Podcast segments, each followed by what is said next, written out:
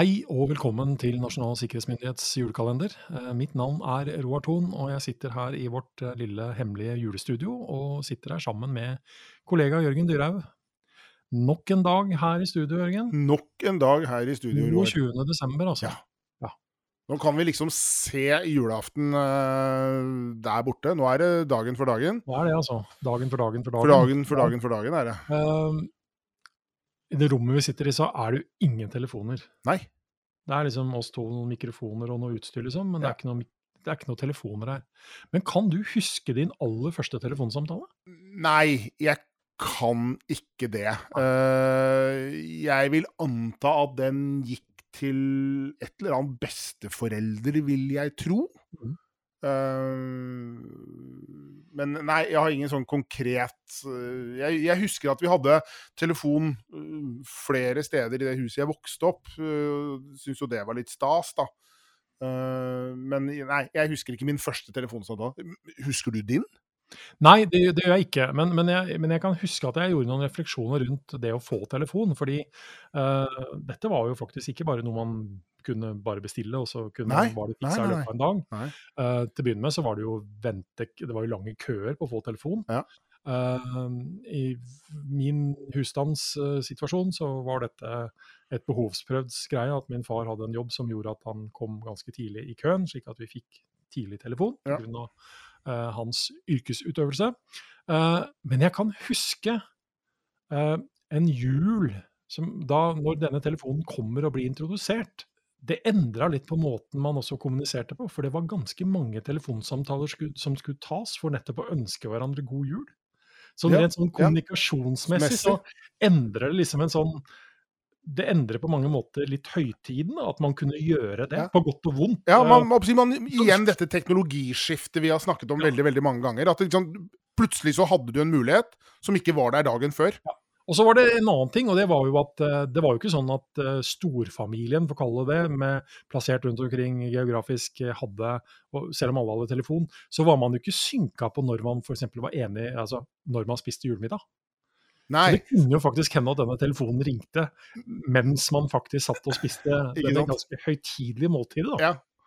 Og du var jo helt avhengig av at eh, skulle du komme i mål med dette, så måtte jo noen reise seg og svare. Ja. Den kunne jo ikke bli hengende inn Nei, altså i hvert fall så løp man jo. Ja, ikke sant? det kunne jo være noe viktig. Ikke sant? På en eller annen måte. Men um, det var litt tilbakeblikk med telefonens opprinnelse, i hvert fall for, for vår sånn personlige del. Ja. Telefonen er betydelig eldre enn det. Uh, men uh, det har jo skjedd ting opp igjennom uh, på denne datoen. Det har skjedd ting opp igjennom den 22. desember. 22. desember år 1900, prikk, så åpner, etableres Theatercaféen i Oslo sentrum. En sagnomsust, et sagnomsust bespisningssted. 103 år senere, altså da i 2003, så har vi jo da denne relativt berømte rettssaken mot uh, eh, Jon Lekk Johansen, også kjent som DVD-Jon, eh, hvor han da frikjennes i lagmannsretten for da å ha eh, lagt til rette for å omgå kopisperrer på DVD-plater. Eh, det var jo en, eh, en, Det ble jo nærmest en, en portfølje av rettssaker, dette, hvor Økokrim for så vidt anket. og han ble jo frikjent i to rettsinstanser, og så anket man da ikke videre til Høyesterett. Ja, altså Når du blir frikjent i lagmannsretten, så er det som regel et langt steg å komme videre, eh, ja. eh, sånn rent rettslig sett. Eh, og når du trekker fram dette her, så er det sånn flashback-minner tilbake. Fordi jeg gikk altså på eh, det som da het Politiets overvåkningstjeneste, altså POT, sitt eh, kurs i etterforskning, bevissikring, analyse og kriminaletterretning på nettverk generelt og internett spesielt, og det er da i desember 2000. Å, hei sann. Da var jeg på kurs i dette her. Og en av de sentrale sakene som man brukte som et slags eksempel, var jo nettopp da denne type kategori, DVD-on. Eh, kopisperrer, piratvirksomhet. Ja. Altså, og det slår meg jo etter i dag at uh, det var ingen som i realiteten hadde en stor tanke om hvor dette kunne utvikle seg rent kriminalitetsmessig. Nei, nei det, er, det er jo ikke akkurat kopisperre vi snakker om i dag. Absolutt ikke. ikke eh, og konsekvensene for samfunnet totalt sett. Eh, litt sånn et rart tilbakeblikk, egentlig, med ja. litt sånn opplevelse snev av følelsen av å kanskje ha vært veldig naiv i år 2000. Eh, kanskje Ja, være lykkelig, lykkelig, lykkelig over at det ikke skjedde noe i 2000. Ja, I årsskiftet i Ja, seg selv. ja. Uh, ja. Men uh, en refleksjon i forhold til det som skjedde, ja, som du henviste til i 2003. Mm. I 2001 så hadde man dette uh, Han derre skoterroristen. Ja, han prøvde Han hadde samla noe sprengstoff i skoen, og hva var det han het? Richard Raid. Reed, ja. Eh, prøvde vel da å, å sprenge et amerikansk fly fra American Airlines eh, med eksplosiver da gjemt i, i skoen sin. Så eh, til syvende og sist, det er Richard Reed vi kan takke for at vi i realiteten er nødt til å ta oss av skoene. På Eh, norske flyplasser. Eller på ikke bare norske flyplasser, men all over the Du the har feil sko. Jeg Ja. gjør det aldri. Eh, og det er jo en, en, en um, Man skjønner jo hvorfor disse tingene skjer. Samtidig så er det jo alltid sånn at uh, noen av disse hendelsene skaper jo noen tiltak som blir enorme, Mm. og som ikke nødvendigvis adresserer alle tenkelige måter dette egentlig kan gjøres på. Nei. Uh, så uten å egentlig bruke altfor mye tid i forhold til den type vurderinger, eh, det er helt klart uh, hendelsen har betydning for hvordan man ender opp med å respondere rundt sikkerhet, Ja.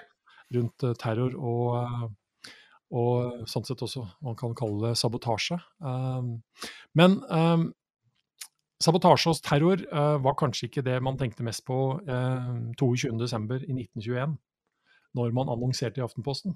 Nei.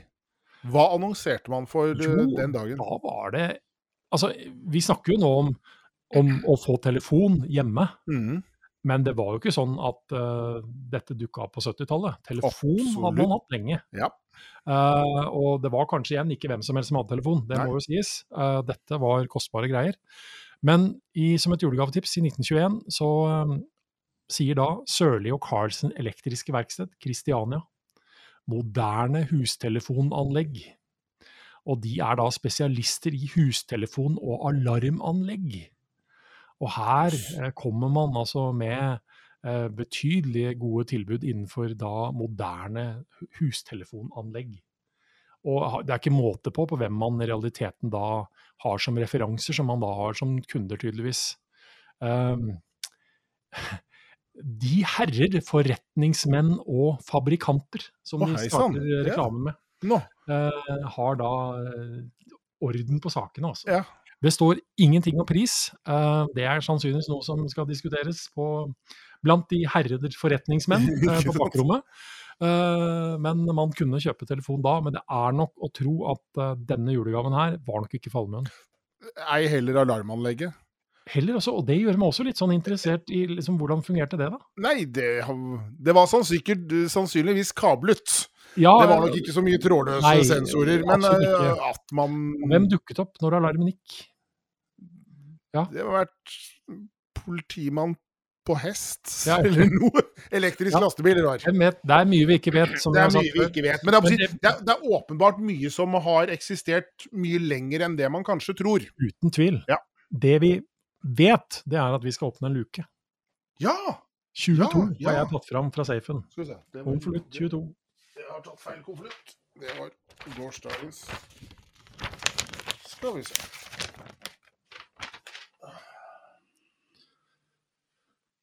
Nå skal Se her. Her ligger um, Baby It's Cold Outside. Ah, ja. Eh, Det er jo en uh, låt som Er det en sang? Er det en dialog? Hva er det Ja, hva egentlig? er det egentlig? Ja, det er jo Når du spør, så Ja. veit jeg jaggu ikke hva jeg skal svare. Og en sangdialog. Det er jo en sangdialog. Det er en duett her. Det er en duett her. Ja. Det er en mann og en kvinne som diskuterer hva gjør vi nå. Og når denne sangen kom, så var det nok uh, veldig spesifikt at det var en mann og en kvinne. Og så kan man uh, si at i moderne hverdag så kunne man da realiteten Kan være hva du vil. ville være hva man ville. Ja.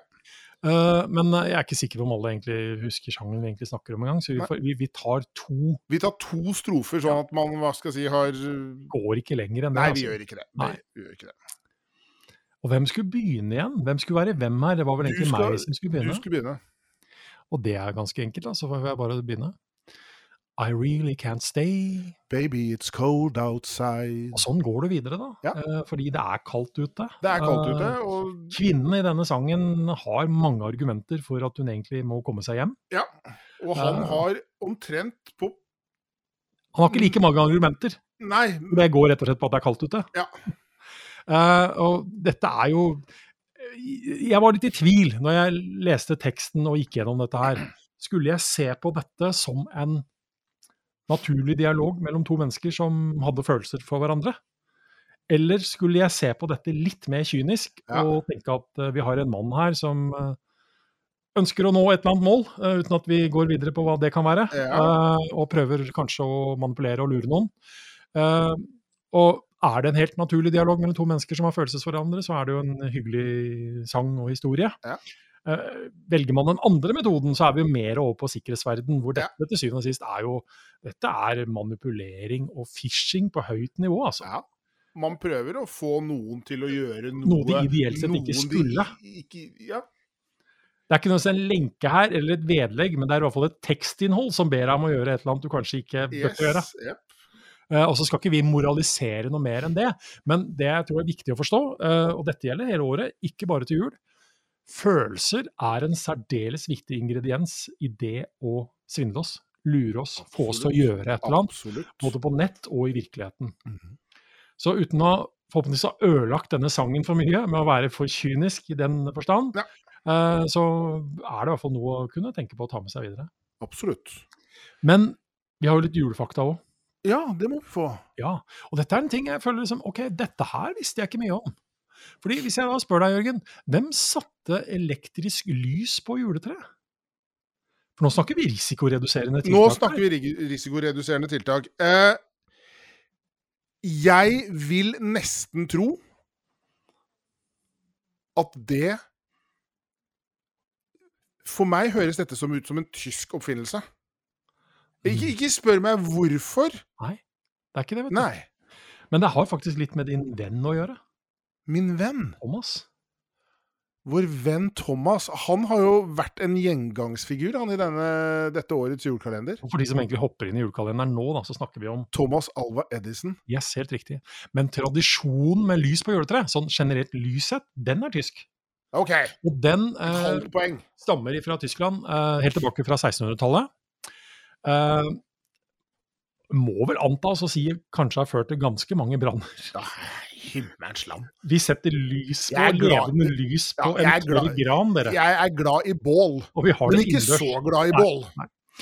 Eh, men etter ca. 200 år da, så blir den tradisjon, tradisjonen med levende lys uh, blir fornya av den teknologiske utviklingen. Tre år etter at Thomas Edison fant opp glødelampa, så fikk nemlig en av vennene hans sin idé. Og Han het Edward Hibbard Johnson, var viseadministrerende direktør i nettopp Edison Electric Light Company. Elforsyningen i New York, altså. Og jula 1882 satte han opp i stuen hjemme et tre som hadde 80 røde, hvite og blå elektriske pærer. Og dette forsøkte man jo å få litt eh, medieoppmerksomhet rundt, da, fordi det var jo sannsynligvis en forretningsidé som lå her òg. Man ønsket det vel å selge, eh, selge elektrisitet, for å si det sånn. Ja. Uh, og avisene i New York de avfeide denne saken som et billig PR-triks, og nekta egentlig å skrive om familien Johnsons tre. Men så er det jo sånn at uh, andre igjen, det andre ikke vil skrive om, er det andre som skriver om, og så Mhm. setter vi i gang. Så en aviskonkurrent helt eh, ute i Detroit, uh, de fikk nyss om dette juletreet, og sendte altså en journalist hele veien til New York, og det er et stykke, Det er et stykke fra Detroit. uh, ikke minst når vi snakker på 1800-tallet, for å se på dette vidunderet. Det var et makeløst syn, skrev journalisten begeistra. Og han kunne også fortelle at hver lyspære var på størrelse med en engelsk valnøtt. Og dermed så var altså suksessen sikra. Teknologien den var komplisert. eh, og den liksom, første juletrebelysning som kom på markedet, var ikke der før i 1890. Og fem år senere så ble dette gjort til kjempemote i USA, fordi da dukker det første elektriske juletreet opp i De hvite hus med over 100 lyspærer. Men eh, altså igjen, som vi har kommet fram til gang på gang når vi har snakket om gamle dager, og vi snakker jo fortsatt om virkelig gamle dager her, Mm. dette var jo juletrepynt som var forbeholdt de aller rikeste. Ja. Uh, å sette altså elektrisk lys på et gjennomsnittlig juletre rundt århundreskiftet, Det var en såpass kostbar affære som kunne komme opp i løp som i dag tilsvarer rundt 15 000 kroner. Oi. Så det var ikke noe Det var ikke Nei. for som dette. Det var ikke for folk flest, tror jeg. Absolutt ikke, men der altså rundt 1930 så kommer det elektrisk ultrabelysning som holdt et mer folkelig prisnivå. Og derfra så er vel historien lagt på at de aller, aller fleste av oss, vi har elektriske lys Vi på elektriske lys på juletreet. og har ikke levende lys. Nei. Altså, jeg ser ingen situasjon hvor jeg ville sagt at det høres ut som en smart idé. Nei. Nei. Nå blir ingeniøren helt stum Ja, nå ble jeg helt Ja. stum og blir sittende og tenke og, og Risikovillig, ja, men ikke så risikovillig. Her må vi ta teknologien i bruk for alt det er verdt, tenker jeg. Lodd, søkke og snøre, altså. Helle måne. Nei, det Som sagt, jeg er glad i bål, men ikke så glad. Ikke sånn bål. Nei. Uh, men vi tar en kaffe til, eller? Vi tar en kaffe til, og jeg mener jeg så pepperkaker et eller annet sted her òg, jeg. Jeg har det. Jeg må bare åpne safen først. Takk.